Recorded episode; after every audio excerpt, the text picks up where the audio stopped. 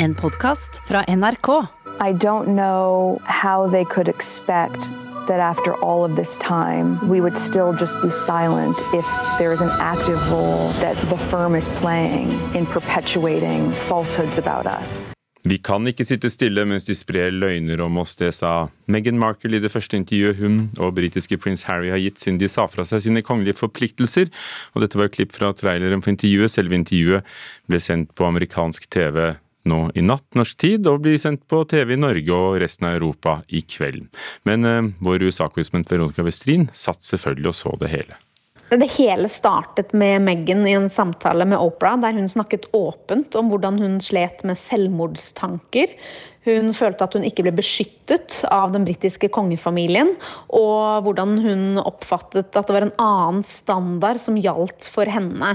Hun kom også med kraftige beskyldninger om rasistiske undertoner i det britiske kongehuset, og sa at det i forkant av fødselen var en diskusjon rundt hvor mørk i huden barnet deres eh, ville bli. Hun ville ikke si hvem som hadde denne samtalen, og sa at det ville vært eh, veldig ødeleggende for dem. Gry Blekastad Almås, programleder i Urix her i NRK, og både tidligere og påtroppende Storbritannia-korrespondent. Dronning Elisabeth skal ikke se intervjuet som går på britisk TV i kveld, men ifølge Sunday Times kommer kongefamilien til å slå tilbake med nye avsløringer. Hvordan har det spisset seg sånn til? Hvordan kom vi hit? Ja, Det er jo ikke godt å si. Dette har jo vært eh, anklager mot det britiske kongehuset og antydninger om at livet på innsiden ikke bare har vært enkelt for alle de som har, eh, har vært der. og Det er jo det vi får høre eh, offentlig nå, da, fortalt av dette eh, hertugparet som har eh, vært på innsiden og valgt å, å bryte ut. Eh, og Det vi får høre om er jo ganske alvorlige beskyldninger. Ikke bare av at man har følt seg veldig isolert og uten støtte Eh, for Megans del, da, som kommer inn i dette fra utsiden. Eh, men disse beskyldningene om rasisme er jo veldig alvorlig selvfølgelig for det britiske kongehuset.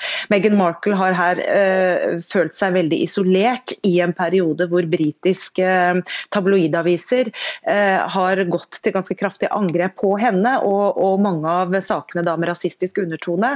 Og hun mener at kongehuset i mye større grad burde ha, burde ha gått ut og forsvart advart henne, hvilket de ikke gjorde. Og så kommer altså denne uh, påstanden da om at det har vært en samtale uh, også om hudfargen til deres på det tidspunkt ufødte sønn. Så det er klart at dette er viktige beskyldninger som også kongehuset på et eller annet tidspunkt må svare på.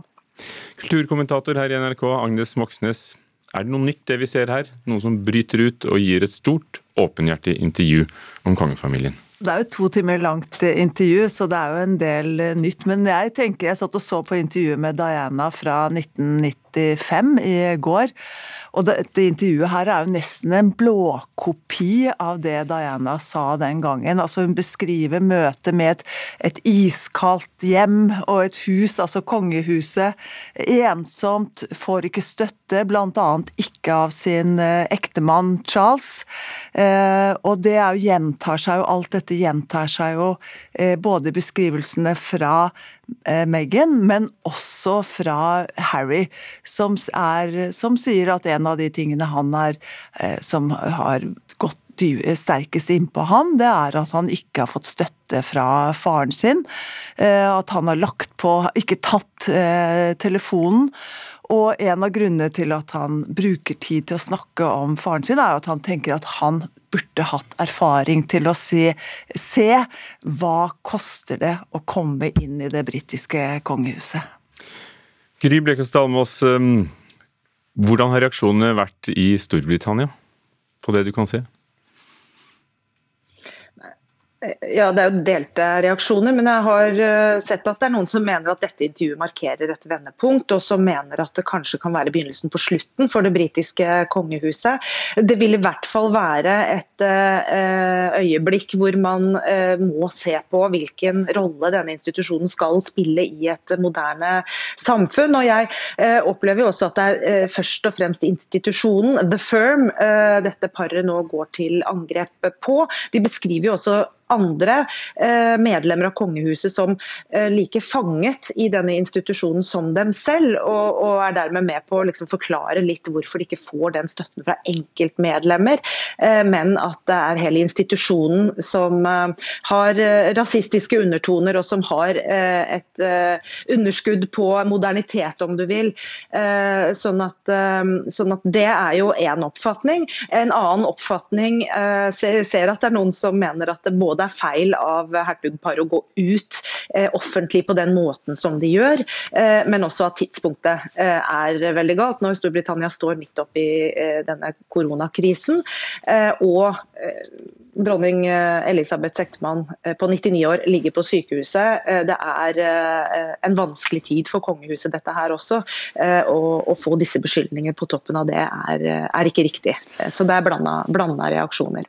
Ja, og så er det vel ingenting som er mindre forenlig enn med den kongelige Altså det å opprettholde en slags sånn kongelig magi da, og, og, og diskresjon og hemmelighold, enn nettopp en sånn tell it all-intervju som dette her skulle være. Og nå begynner det å bli veldig mye for det britiske kongehuset. Én ting er liksom Dianas eh, skilsmisse og, og dødsfall. Eh, så kom jo intervjuet med, Jeffrey, eh, nei, med prins Andrew om hans forhold til Jeffrey Epstein. Så The Crown, og så kommer dette her. Sånn at det er, det er jo en slags, som, som mange har påpekt, at det er en slags PR-krig krig på gang i, i Storbritannia. Men det, jeg vil nok tro at det skal mer til. Det britiske kongehuset har vært igjennom mange sjøslag. Dette er et av dem, men det skal vel antageligvis noe mer til før hele huset faller. Det har jo vært et kongehus hvor de, i motsetning til mange av de europeiske kongehusene, har eh, latt alle i the firm, i selskapet, eh, ha en rolle og beskytterskap og, og være på, på, scenen. Eh, tror du, Almos, at, de, at, det vil komme en endring, eller blir dette bare en, ja, en, et lite kapittel i en stadig rullende historie? Nå vet man at det uh, britiske kongehuset også eh, leter etter eh, en måte å drive kongehuset på i et, eh, i en, et moderne samfunn. og at apparatet rundt William og Kate f.eks. har vært i kontakt med det norske kongehuset, blant sikkert veldig mange andre, men for å prøve å finne ut hvordan man fyller de ulike rollene da, som de kongelige har. sånn at Det er jo en konstant utvikling, vil jeg tro. Men det er klart her får de jo også beskyldninger beskyldninger om å være dobbeltmoralske, altså kongehuset.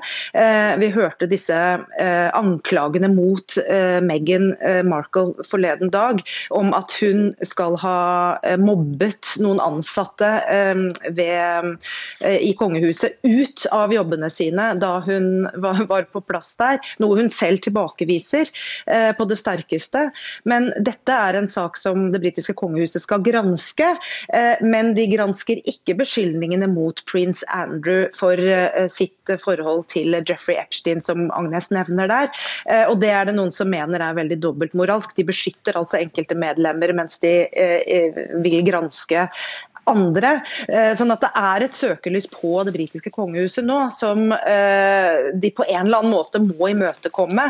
Men akkurat hva som kommer ut av det er jo usikkert. Og jeg er jo enig eh, med Agnes i at det sannsynligvis altså, Dette kongehuset har bestått lenge, og sannsynligvis har det vært problemer og ulike ting på innsiden som vi da ikke har fått tatt del i på samme måte som, som vi får nå gjennom dette, dette intervjuet. Ja, og så er det jo også interessant å merke seg at Harry sier at han og broren William nå har gått hver sin vei. Agnes Moxnes, Gry Blekastad Almås, takk skal dere ha. I kveld blir det altså å se både i Norge og resten av Europa dette intervjuet som Opera Winfrey gjorde med prins Harry og Meghan Markle. I dag får eh, kulturministeren overlevert en rekke forslag til hvordan norske festivaler kan arrangeres på en trygg og god måte til sommeren. Arrangørene etterlyser klare rammer ut fra smittesituasjonen til enhver tid. For om det blir festivaler, om de blir avlyst eller om det bare blir små festivaler, alt skal uansett planlegges. Det aller meste av festivalsommeren i fjor ble avlyst, men Notodden Bluesfestival greide likevel å gjennomføre en koronavennlig miniutgave, hvor Vidar Busk var blant artistene på scenen. Når festivalsjef Jostein Forsberg skal planlegge årets bluesfestival, er ikke det en enkel jobb. Det forandrer seg noen ganger fra dag til dag, og i hvert fall uke til uke. Og det er eh, kjempeusikre tider. Derfor skulle han gjerne visst mer om hva slags rammer myndighetene setter for festivalene, både når det gjelder økonomi, men ikke minst smittevern. Han får støtte fra Sigrid Skjærdal, som er festivalsjef for Vinjerock. Vi må jo vite hva myndighetene setter som gode nok tiltak? Hva er, hva er, relevante tiltak? Hva skal vi bruke tiden vår på å lære oss og på å lage system for, om det er hurtigtesting eller vaksinepass? I dag legger en arbeidsgruppe fra festivalbransjen frem sine forslag til hvordan myndighetene best kan legge til rette for en sommer med så mye aktivitet som mulig. Tiltakene skal vurderes av Kulturdepartementet og helsemyndighetene. Håpet er en rask, men ikke forhastet behandling, sier daglig leder Tone Østerdal i Norske konsertarrangører, som organiserer mange festivaler. Vi håper jo at helsemyndighetene på et tidspunkt vil sette seg ned sammen med oss og diskutere nettopp hva som skal til. Vi er avhengig av at både den arrangørfaglige ekspertisen og den helsemessige ekspertisen samarbeider hvis vi skal få til å komme tilbake til de store arrangementene. Det er det å liksom lage det beste ut av de forutsetningene som finnes. Og at publikum da føler seg trygge og kommer tilbake og eh, gjerne vil eh, oppleve livemusikk sammen. Og reporter her var Thomas Alvarstein Ove. Den britiske forfatteren Bernadine Evaristo har skrevet eh, bøker i nesten 30 år, men først med romanen 'Jente, kvinne, annet' fikk hun et stort internasjonalt publikum. Og så fikk hun Booker-prisen for den. Hun delte den riktignok med Margaret Atwood i 2019, og det var selvfølgelig en stor årsak til interessen. Og nå er den ute på norsk. Anne Katrine Straume, vår litteraturkritiker, du har lest den. Hva slags roman er 'Jente, kvinne, annet'? Den er et overflødighetshorn av en roman. Vi møter tolv ulike kvinner i Storbritannia Eh, det er tolv kvinner som er vidt forskjellige, fordi de er altså spenner i alder fra 19 år til 93. Vi har eh, en børsmegler, vi har skuespillere, kunstnere, vi har bønder. Eh, men felles for dem alle er at de er svarte. Mange av dem er fattige. Mange har vært utsatt for en form for um, hemninger i livet. Altså de prøver å finne seg selv på tross av de begrensningene som er satt av enten menn eller mekanismer i uh, verden for øvrig. Nå skal det sies med en gang at uh, menn blir ikke beskrevet her som på en måte én felles gruppe. Eh, de er like mangefasetterte som disse tolv kvinnene som beskrives, men de må finne seg i å spille annenfiolin i denne boken. Hva er det Bernadine Evaristo vil med boken? Hva er prosjektet hennes? Prosjektet er å vise frem mennesker som ikke synes så um, ofte ellers i det britiske samfunnet, og da spesielt svarte kvinner. Uh, hun sier selv at hun har lest uh, f.eks. Tony Morrison med stor interesse, og har sett at det skrives mye også fra kvinnestandpunkt om svarte kvinner, og fra svarte kvinner i USA, mens hvor er de svarte britiske kvinnene som skriver og forteller om svarte kvinners liv? Så hun har et helt tydelig prosjekt, og det har hun holdt på med helt siden nettopp debuten i 1994, og tidligere også. Hun har også en erfaring som dramatiker, teaterregissør, eh, skuespiller selv og poet. Så hun har brukt liksom dette Hun har selv nigeriansk og britisk opprinnelse, så hun har jo også kjent det på kroppen å være flerkulturell. Og er det da et slags feministisk kampskrift? For som du beskriver det, så kunne vi tro det. Ja, det er jo et slags kampskrift, men jeg tenker at mer enn et feministisk kampskrift. Og så er det ikke heller noe sånn propaganda og sånn tung på labben-kampskrift. Det er smart og morsomt gjort. Så er det, hvis det er et kampskrift, så er det også et kampskrift for mangfold generelt. Eh, vi møter, Den første kvinnen vi møter, hun heter Amma. Hun er i 60-årene, er teaterregissør. Har jobbet med sånne små protestteatergrupper utenfor The Establishment. Og nå skal hun sette opp en stor forestilling på National Theatre Theatre i London eh, om eh, lesbiske svarte amazoner på 1700-tallet. Det er starten på boken, og så går historien videre da via datteren Jazz. Hun er student, opptatt av mangfold, og hun sier f.eks. til mor at 'det er så gammeldags å kalle seg kvinne'.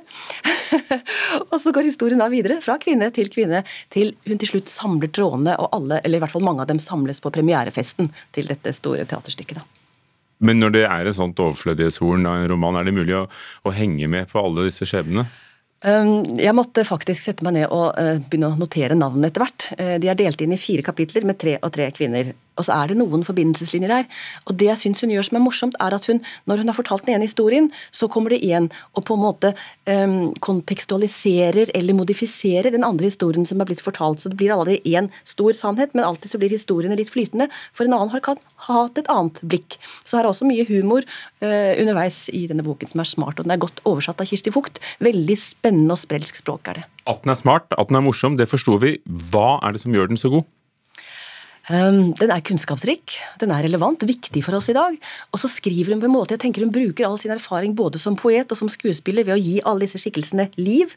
Og så skriver hun altså uh, frem teksten uten stor bokstav, uten punktum, så det går i en sånn flom hele veien. Så du blir revet med liksom i en strøm av liv og mange stemmer, et kor.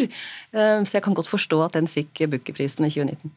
Takk. Jente, kvinne, annet. Uh, og da kan vi gjøre som Anne Katrine Straume her, eller Barack Obama lese denne boken som nå er kommet på norsk. Og så kan vi lese flere anmeldelser på nrk.no. Anmeldelser. Du har hørt en podkast fra NRK.